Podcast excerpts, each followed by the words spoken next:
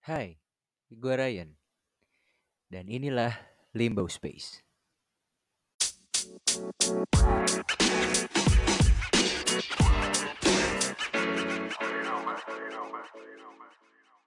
Halo guys, selamat datang kembali di podcast Limbo bersama eh, host tercinta kalian, Ryan di sini. Pada kesempatan kali ini saya menghadirkan bintang tamu ya. Dia ini adalah seorang mahasiswa psikologi dan kebetulan saya juga kenal karena satu jurusan. Saya ingin membahas topik ini, tapi nggak mungkin saya interview diri saya sendiri toh, ya kan? Jadi saya mengundang orang ya di sini ya. Dan ya, silakan memperkenalkan diri Anda, wahai tamu yang tidak dikenal. Halo teman-teman, selamat sore menuju malam. Perkenalkan dulu, nama aku nih Samuel David Ruliano nih teman-teman. Aku di sini tuh juga teman Ryan ya. Kita di sini sebagai mahasiswa psikologi dari universitas itu. Ya, itulah ya. Itunya ini tidak bisa disebut. Nanti kena red flag. Oke. Ya, Samuel apa kabar Samuel?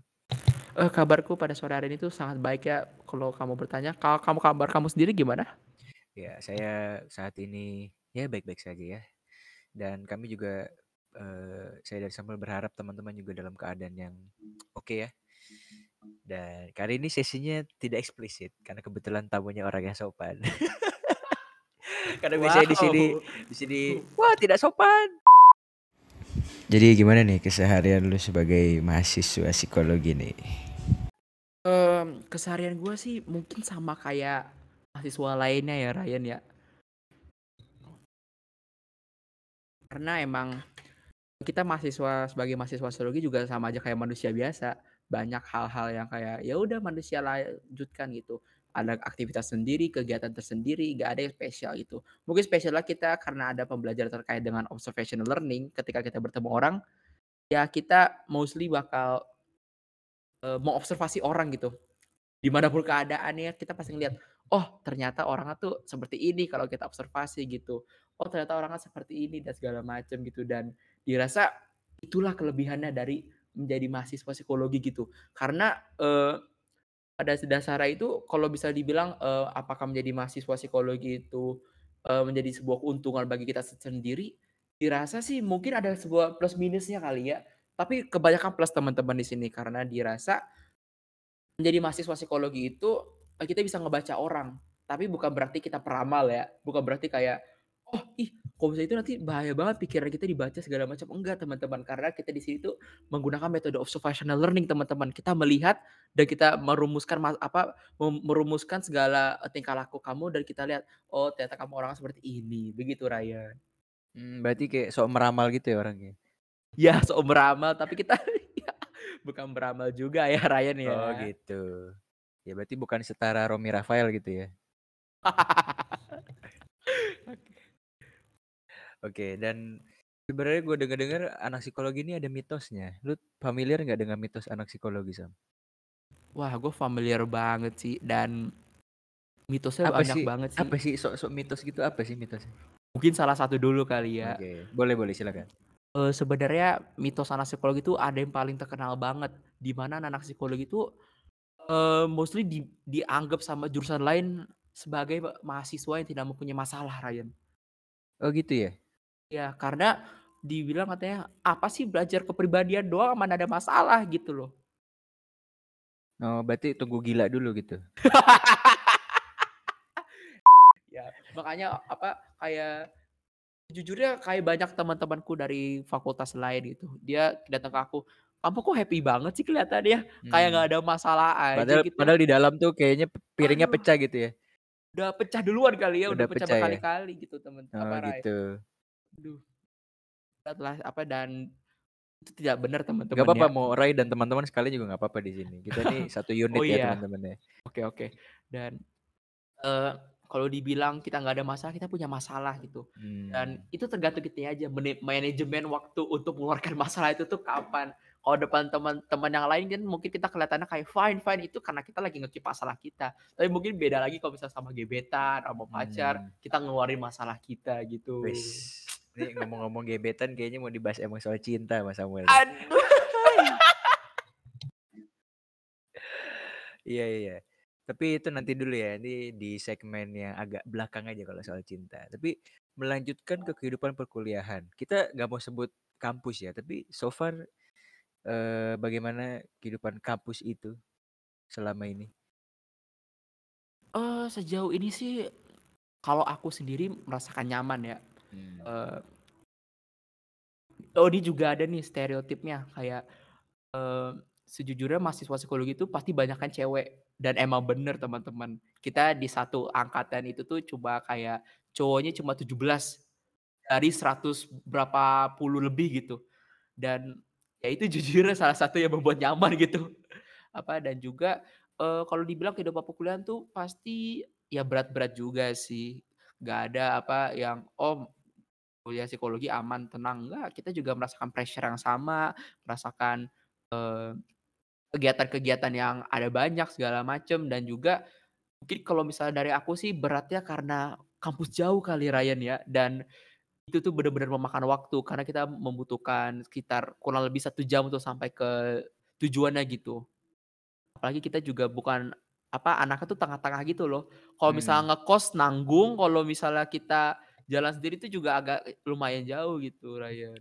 Iya sih bener sih. Oh iya, gue satu kampus ya anjing sama lu ya. gue baru inget. Emang capek sih ya. Emang sih teman-teman kalian juga pasti tahu lah rasanya pulang pergi gitu ya. Emang kalau emang jaraknya nanggung gitu sih, ya pulang pergi sih. Memang kayak begitu sih. Lagian juga yang penting kan ya ilmunya lah ya. Ya itu itu semua Bener masalah banget. masalah jarak atau apa itu itu akan berbuah hasil nanti ketika kita bekerja. Ya amin ya saudara. Amin amin. Mana aminnya saudara? Waduh, jangan kristenisasi di sini nih. Oke. Cuaks. Oke, next topic gue mau eh mungkin langsung aja terjunnya. Lu tuh dapat apa gitu di psikologi? Dan kenapa lu awal-awal tuh ah gue kayaknya psikologi fix deh gitu. Kenapa nggak marketing? Kenapa nggak eh seni misalnya lu ngambil seni apa, seni rupa kek apa kek dan semacamnya itu. Kenapa harus spesifik di sana? Dan juga kan psikologi ini bisa termasuk ke dalam konteks eh, doktoral ya. Kalau misalnya lanjut studi.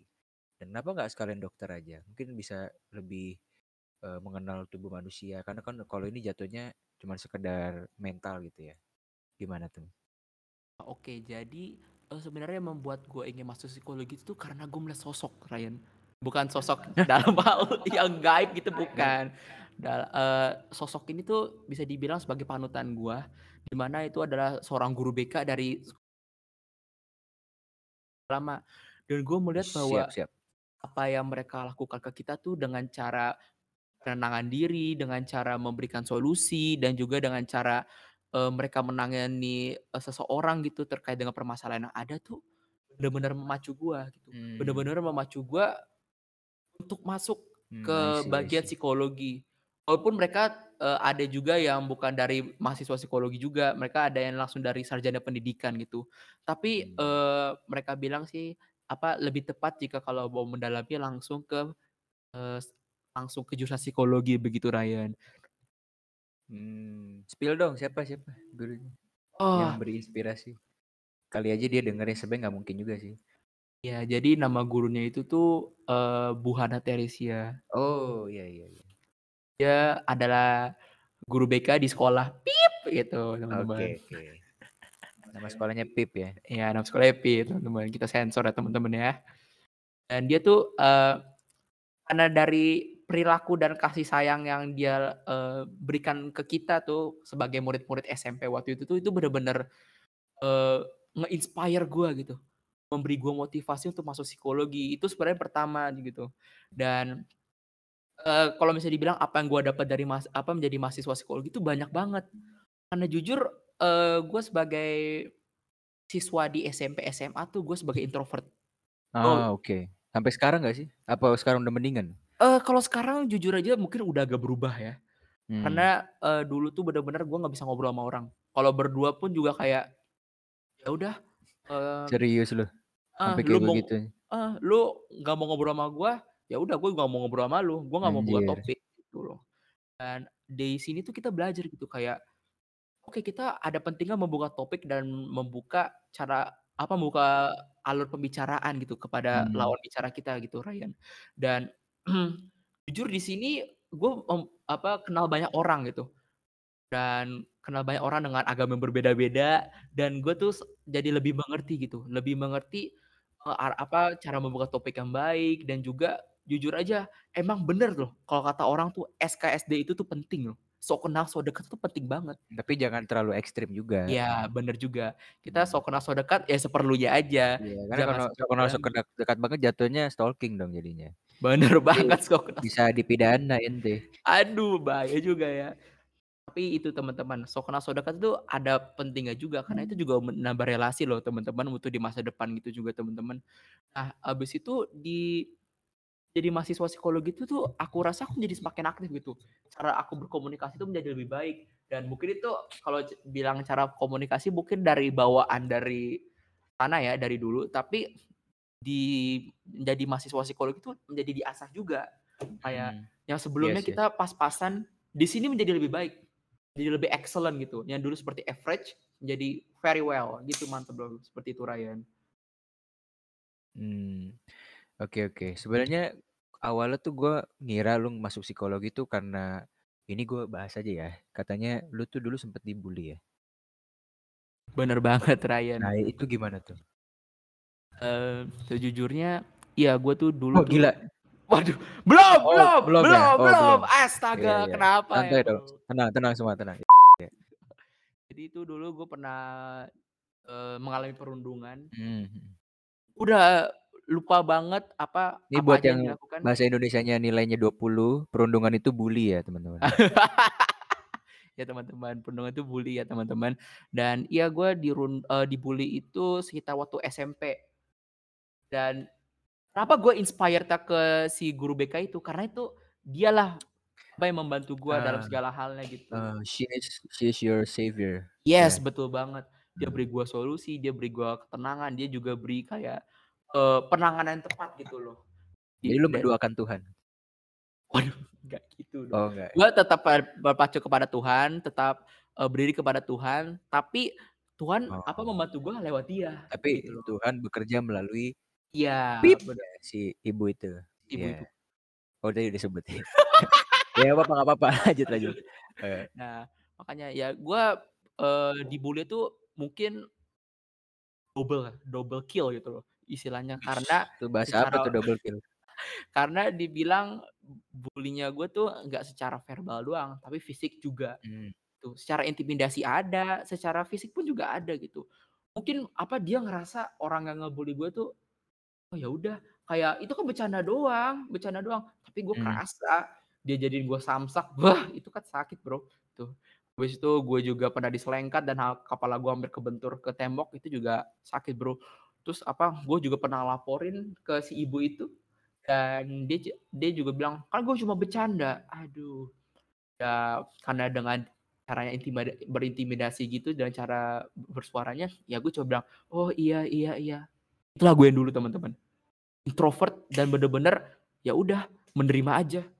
Karena gue tuh orangnya tipe orangnya tuh menghindari konfrontasi banget. Itu gue dulu, beda dengan sekarang.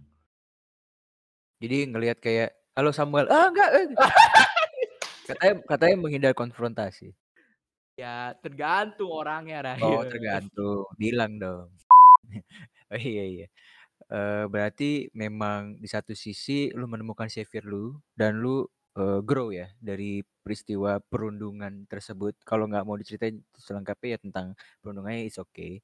Eee, dan so far setelah lu lebih mengenal dunia mental health, menurut lu ya, ini menurut lu, mental health itu perlu disebarluaskan lebih nggak sih? Karena selama ini kan kayaknya semua orang bahas mental health di Twitter, di Instagram segala macam kan. Dan for you personally ya, gue kan juga sebenarnya anak psikologi tapi menurut gue ya udah enough lah dari gue. Pendengar gue udah sering denger gue gitu. Tapi gue bawa lu nih khusus. Menurut lu perlukah untuk di era sekarang ini di mana sepertinya semua orang tuh lagi bener-bener, eee, terpuruk gitu ya dalam kondisi segala aspek dalam hidupnya? Oke, makasih banyak pertanyaannya Ryan, itu sangat mendalami banget ya dan gua rasa mental health tuh perlu disebarluaskan. Oke. Karena mental health ini Eee, orang-orang kayak mungkin baru-baru tahu baru tahu itu baru-baru ini gitu, kalau ternyata tuh ada panic attack, ada anxiety attack dan segala macam, itu baru-baru ini. Mereka tuh kayak "Ya elah itu mah cengeng," gitu loh. Mereka langsung kayak, eee, apa ya namanya kalau misalnya kayak cowok nggak boleh nangis gitu, toxic Oh, masculinity. banci banci. Kok? Oh, bukan? Ada namanya toxic masculinity di mana, Oh, eee, iya iya. kayak stereotip bahwa kalau misalnya, eee, kamu cowok, kamu nggak boleh nangis gitu. Sebenarnya sih, ya kita boleh-boleh aja nangis kalau emang udah nggak kuat, nggak tahan dan dirasa udah menjadi beban banget, ya udah keluarin aja gitu loh. Mmm. Dan apa, itu hal yang normal gitu dan makanya dari itu, mental health itu tuh perlu banget disebarluaskan Ryan dan, eee, supaya orang-orang di Indonesia tuh pada tahu gitu, apa, ternyata mental health tuh penting gitu. Nggak cuma sebatas omongan mental health mental health mental health, tapi dengan, eee, kita menyebarkan mental health tuh kita pasti punya tujuan bahwa orang lain tuh melakukan apa dan apa, eee, memen eee, memberikan mental health itu sebagai prioritas utama gitu loh. Dan dan juga, eee, mental health ini tuh bukan sebagai mainan doang, bukan sebagai kayak status doang. Apa, aku adalah orang yang mengkampanyekan mental health, no. Kita juga harus, Iya eee, iya. tindakan yang tepat gitu loh. Mmm. Iya sih, gue juga setuju sih kalau emang mental health ini seperti pedang bermata dua sih. Jadi mereka tuh bisa manfaatin momen ini kayak semua orang bahas mental health, jadi bisa kayak sok-sokan self diagnose gitu ya. Bukannya merendahkan masalah, orang-orang yang memang terkena mental health issues ya, tapi ada beberapa oknum yang memanfaatkan, eee, apa ya, momen ini untuk kayak disebarluaskan di sosial media, merasa dirinya paling penting. Konteksnya sih jadi narsis ya sebenarnya ya. Bener banget. Dan itu kita nggak mendukung hal itu, ya karena itu bisa menjadi konflik ke depannya dan itu membahayakan diri teman-teman juga kalau teman-teman itu, eee, sering banget untuk self diagnose.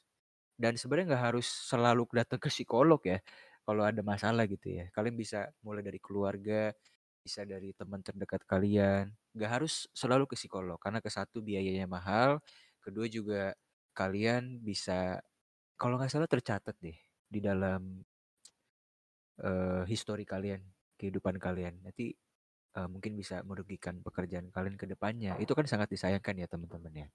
Nah balik lagi ke topik mengenai mental health.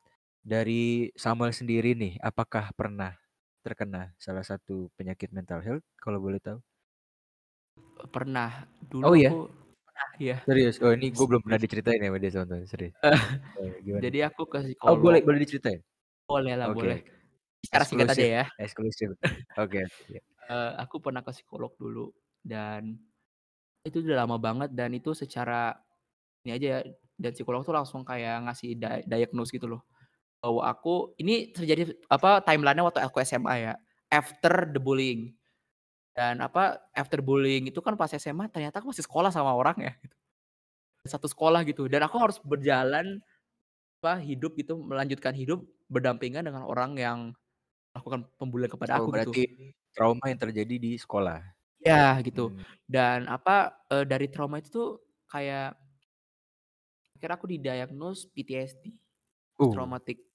By the way PTSD ini biasanya common-nya di ini ya, army ya teman-teman ya, di soldiers. Kalau teman-teman bisa cek nanti di internet, itu biasanya terjadi di, eee, para tentara ya, bisa di Indonesia, bisa di luar negeri. Mereka terjangkit PTSD yang disebutkan oleh Samuel ini. Oke lanjut Samuel. Iya, apa, aku mengalami apa, didiagnose PTSD tapi secara singkat, tapi setelah itu aku nggak pernah ke psikolog lagi dan dibilang katanya sebisa mungkin untuk menghindari. Dan apa, eee, aku juga kayak mengikuti defense mechanism yang ada gitu. Aku Mmm. harus represi, harus mencoba melupakan, tapi nggak bisa karena Mmm. aku kan hidup berdampingan gitu. Cuma beda 1 kelas doang. Kayak di mantan ya? kel iya, astaga kok mantan Bro, kok mantan. Nanti, aduh kok saya buru-buru banget ya ke arah sana. Coba la lanjut dulu Sam. Orang yang nge-bully aku di kelas, eee, misalnya IPS 1, Oh eh aku gitu. di IPS 2. Ya kalau istirahat juga ketemuan kan. Apalagi aku juga pernah beberapa kali juga diintimidasi gitu sama dia. Oh berarti lu oh Samuel tem IPS teman-teman, anak IPS. Ke-spill ya teman-temannya dia ya, Iya. aduh. Begitu teman-teman dan akhirnya aku nggak bisa gitu. Aku akhirnya PTSD dan mostly sih panic attack, aku perutku sakit kayak ketusuk gitu. Kalau bisa aku ke dokter, aku bener Ryan, pernah 4 bulan nggak sekolah. Mmm. Oh, apa, karena itu aku, eee, karena dari PTSD itu tuh menyebabkan aku panic attack. Dan Mmm. panic attack-nya tuh Apa di sini? Oh ya, apa, dan panic attack-nya itu kayak aku nangis, gua gua nangis. Memang anak ini begitu sopan, teman-teman. Oke, lanjut. Ya, apa, panic attack itu berupa, apa, gua tuh nangis tuh. Iya. Nangis parah karena gua Heeh. nggak kuat, terus perut gua sakit banget dan jujur itu gua sedih banget ketika ada yang bilang, "Sama pura-pura." Wah, itu bener-bener Mmm. hati gua tertusuk banget Mmm. dan, eee, apalagi juga yang ngomong itu nggak murid doang, guru juga ada. Don't give a fuck about them, bro. Itu biasa banget kayak begitu. Dan mungkin emang dulu kita masih kecil kan masih naif ya, masih awam lah ya. Masih belum terlalu paham gitu kalau, ya yang mengenal diri sendiri ya kita sendiri doang anjir gitu, ya kan? Bener banget, Ryan. Dan, ya apa, akhirnya, eee, SMA itu gua nggak berharap banyak. Gue cuma berdoa kepada Tuhan, "Tuhan, aku mau homeschooling." Puji Tuhan Tuhan, apa, kabulkan, akhirnya corona. Dan akhirnya ya ya udah kita secara online, teman-teman. Dari mulai Mmm. kelas 11 akhir sampai kelas 12 tuh online semua. Dan ya gimana ya, ya gua sebenarnya agak bersyukur nggak bersyukur juga sih, apa, ada adanya corona ini, gitu. Karena itu berat banget, masa-masa berat, tapi di satu sisi tuh gua merasa, apa, doa gua didengarkan oleh Tuhan gitu loh, Ryan. Karena, eee, pada saat itu tuh harapan gua tuh, gua pengen homeschooling gitu. Keluar aja lah dari sekolah lama biar gua nggak, apa, bertemu dengan trauma gua gitu kan. Dan ya ortu gua nggak setuju dong, kayak, "Ini Mmm. gimana kamu kok homeschooling?" Gitu segala macem. Dan homeschooling itu udah punya kayak stigma buruk gitu dari orang-orang kayak Tapi akhirnya jadi homeschooling nggak? Eee, jadi wacana. Oh, wacana Baru ya. jadi wacana doang. Tapi ya, Mmm. apa, akhirnya nggak jadi nggak berani juga gitu. Karena emang, mmm, udah ada bilang, apa, omongan-omongan lah kalau homeschooling itu buruk gitu loh. Kayak, ya buat orang-orang buruk, buat orang bermasalah, ya emang gua bermasalah kan itu. Tapi ya ya udah, eh ternyata karena kelas apa, sekolahnya jadi online, ya udah aku akhirnya nggak jadi homeschooling karena dari rumah gitu. Dan, eee, sekolahnya kan berjalan secara online tuh. Aku di rumah, dari Zoom segala macam, jadi nggak perlu untuk ber apa nggak perlu untuk bertemu dengan teman-teman yang lain, begitu, Ryan. Oh, begitu.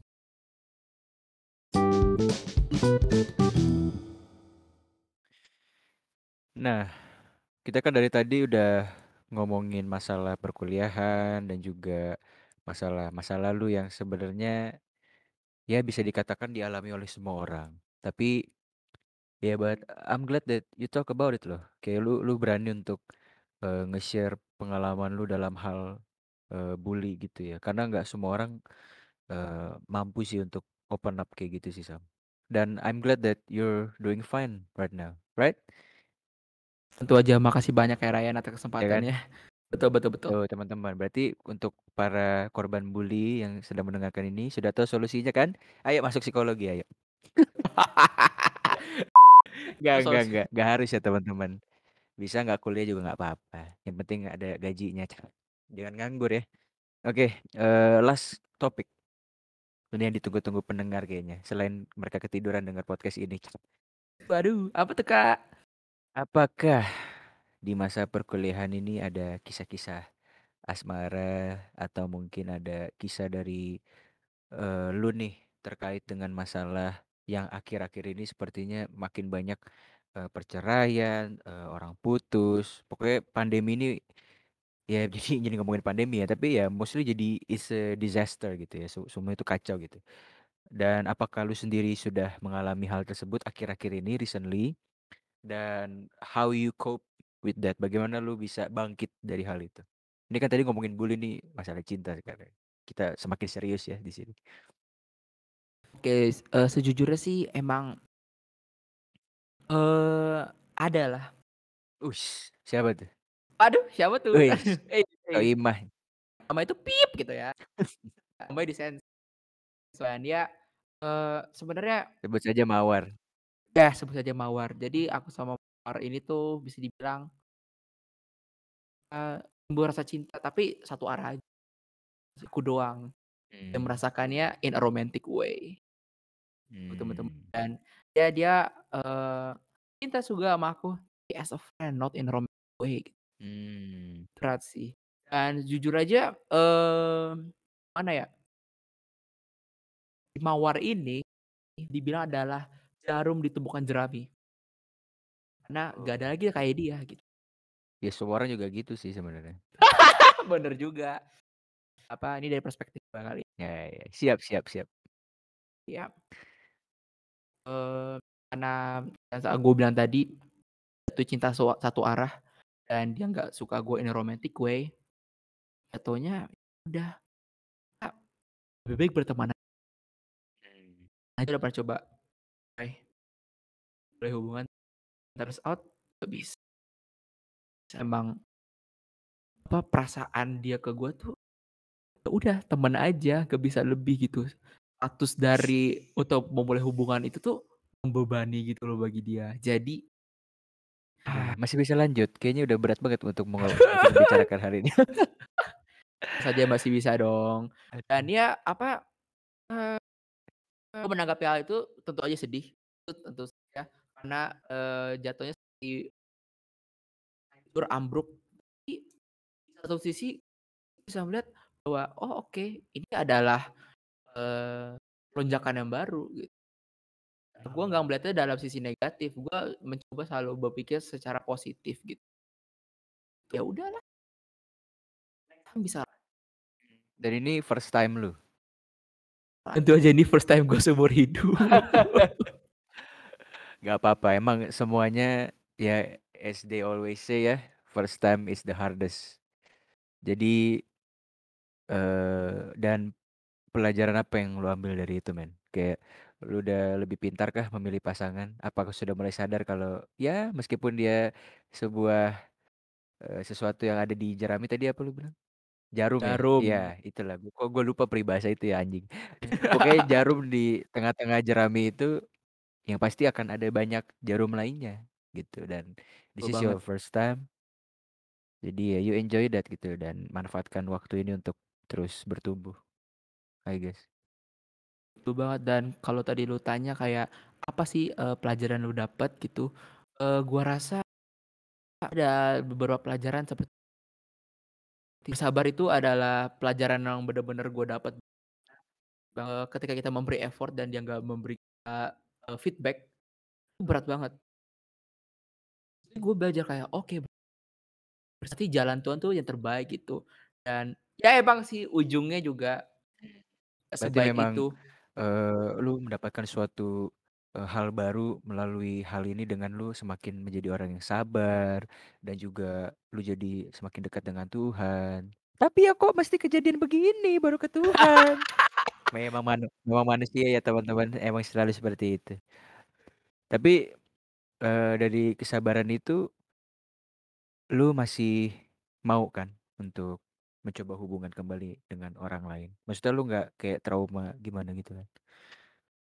Mmm, kalau dibilang trauma sih mungkin, eee, menjadi penghalang kali buat gue ya, karena gue agak takut lagi sebenarnya, karena takut, eee, jadi kasus Jadi Oh. jatuhnya cinta satu arah, takutnya seperti itu gitu dan itu you don't banyak you don't have to be to to worry that much, itu emang kehidupan men, that's life gitu. Jadi, eee, maybe this is your first time but it won't be your last, akan ada lagi ke depannya.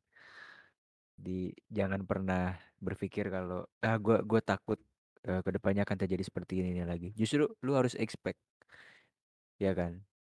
Coba lu bayangin kayak lu menyerah di sini. And then for what? Ya kan? Dengan orang itu lu kayak, "Ah nanti gue ketemu kayak dia lagi." Belum tentu. Gitu. Ah, bener banget sih, aduh thank you banget Re atas masukan dan ap Memang sih, aduh jujur banget, kalau boleh jujur tuh agak berat berat banget. Ya, apa, pikiran tuh pasti, eee, selalu bilang, misalnya orang sama lagi gimana, orang itu sama kayak yang sebelumnya gimana itu sejujurnya membebani juga gitu. Kayak beberapa kali tuh pemikiran itu tuh sampai keluar ke private speech gue, di mana private speech itu kayak gue nggak jadi ngomong sendiri, kayak diem nggak bisa diem nggak. Dan itu kayak sampai apa orang tua keluarga gue tuh kayak ngeliat kenapa sih kayak aneh banget tiba-tiba suka bisa diem nggak bisa diem nggak? Padahal itu gue ngomong ke inner speech gue gitu. Jadi ya Iya kayak iya. orang iya. gila kan kayak orang stres gitu Heeh, sebenarnya. kayak ini orang kenapa sih ngomong sendiri gitu. Kenapa ya dia iya bener banget. Dan mmm, ya eee, jujur sampai sekarang pun itu belum selesai mmm, itu belum selesai Gua tiba-tiba suka bilang, "Diam diam diam diam!" Gue kadang, eee, suka teriak kalau misalnya nggak ada orang di rumah tuh gue teriak, "Nggak bisa diem nggak bisa diem nggak." Karena ini terus bekerja, berjalan di kepala, tapi secara nggak mau itu ada di kepala gua, putar terus. emang awal-awal begitu sih. Ya dan juga, eee, para listeners, eee, gue juga pasti, ep terutama pria ya, kayak ya pasti lebih merasakan lah. Soalnya kalau, eee, perempuan itu jarang sampai harus, eee eee, bergumul yang selama pria gitu. Mungkin mungkin ada pria yang cepet-cepet juga, tapi itu dia hatinya busuk sih menurutku. Ya Kayak bener banget kayak sih. apa ya, nggak nggak menghargai aja gitu. Gue ya bisa aja kita cari apa baru segala macam, tapi bagi pria itu yang membekas, kita yang lebih membekas dibandingkan perempuan gitu. Bener, apalagi ini first time kan. Ya, nah Ah, emang emang biasanya gitu. Makanya gue bilang lagi sekali lagi, jangan jadiin first time ini patokan lu supaya lu nggak mau coba lagi ke depannya. Terus mikir kayak, ah semua cewek sama aja tai gitu. Jangan gitu juga. Itu kan itu kan biasanya cewek yang ngomong gitu. Jadi ya keep going aja Sam. Dan masa lalu kayak tiba-tiba suka apa panic attack ya kayak ngomong ngomong dan teriak-teriak gitu. If you deal with uh, something like that through apa ya biar lu kayak semakin tenang atau gimana ya you do that aja. Ya nggak apa-apa sih menurut gua. Asal lu harus benar-benar berubah dari itu. Jangan kelanjutan, jangan kebergantungan sih. Karena gua dulu gitu. Ini gue bilang aja ya. eh, at at some point of time Gua ya juga sama mengalami hal kayak gitu, tapi and then gue mencoba mencari cara supaya ya ya ya sudah it, it shit happens gitu. Dan gua berdoa karena kebetulan juga waktu itu gua kurang banyak bergumul dengan Tuhan gua, dengan Allah gua. Dan bisa dibilang orang kayak klise gitu, "Ah, klise banget lu," gitu. "Lu baru ngalamin hal kayak begini, Iya, baru baru balik gitu ke Tuhan, atau lu baru balik lagi aktif, olahraga segala macam." Ya memang dan lu harus akuin itu men, kayak semua cowok juga ngalamin hal kayak gini gitu. Mana sih coba lu lihat temen lu dah yang cowok, ya baru putus. Dia ngapain pertama? Pasti nge-gym, olahraga, pengen buktiin kalau ya gue better tanpa dia gue juga tetap oke nih. Gue akan lebih serius. Tapi kalau dapet cewek lagi ya balik lagi. Jadi tergantung mental seseorang. Kayak gitu banget sih. Dan ya, ya begitu sih kurang lebih. Ya, eee, kayak banyak orang bilang kayak first time gamon, gagal move on gitu Mm, mm, mm, mm. Oh gitu kan. ya singkatannya. Ya? Iya, gamon gagal move on gitu loh. Ah, baru tahu gue. Ya, terus? Eee, bener banget sih. Jujur aja apa mempunyai hubungan itu itu nggak pernah on gitu, off terus. Oh, iya. Oh jadi introvert. Bukan introvert, dia emang orangnya tuh kalau misalnya lagi libur, ya udah nggak mau pegang HP gitu loh.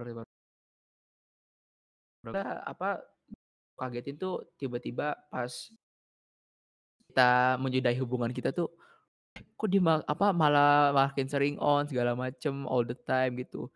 Gue sadar bahwa ya udah berarti gue emang bukan pilihannya dan gue juga mengerti bahwa status dari mempunyai hubungan itu tuh membebani dia, makanya dia mungkin nggak mau on dan nggak mau terbuka ke gue gitu loh. Jadi gue tuh di sini juga sambil mengerti gitu bahwa, ada hal yang membebani gitu dengan status gue gitu. Dan salah satunya tuh dengan mempunyai hubungan, bebani juga kepada seseorang gitu, Ray. Hmm. Ya intinya setiap manusia ada jalannya. Setiap Bener manusia banget. punya pemikiran masing-masing. Jadi kita tidak boleh cepat untuk ngejudge orang itu. Kita harus kembali internalize saja, sadari eh, kelebihan dan kelemahan diri kita sendiri. ya biarlah yang membawa perubahan itu dari diri dia aja gitu karena at the end of the day ya yang kita punya hanya ya Tuhan kita gitu. Bener banget Ray kayak pertama kali setelah uh, aku putus hubungan itu jujur uh, aku itu nangis ya Oke. jujur emang gak bisa nangis tapi lama kelamaan juga di gitu kenapa ya mengapa tapi dari dengan aku yang terjatuh seperti itu tuh membawa aku menjadi lebih baik lagi gitu jadi lebih bangkit lagi gitu We all do man. Kita semua begitu. Mm.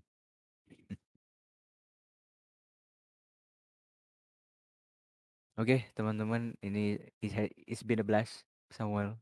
yes thank you banget udah bisa aku diundang ke sini ya eh, aku juga udah bisa sharingkan hal-hal ini kepada kalian para penonton para listener dan juga terima kasih banyak ya buat Ryan udah beri aku kesempatan di sini Sama-sama. The pleasure is all mine. Eh, do ya teman-teman jangan lupa eh, untuk ya lu promosi aja di sini. Kasih tahu aja IG lu. oh ya teman-teman eh, kalian boleh follow aku lewat Mumpung Instagram gua kasih nih, belum gua Eh, eh, boleh follow aku di Ruliando gunakan i ya bukan y Ruliandonya dan eh, di situ kalian bisa tanya tanya atau terkait dengan aku bisa membantu sebisa aku ya aku juga bukan profesional karena aku juga masih mahasiswa terima kasih teman-teman begitu ya. profesional lah teman-teman. Nanti tentu saja tentu saja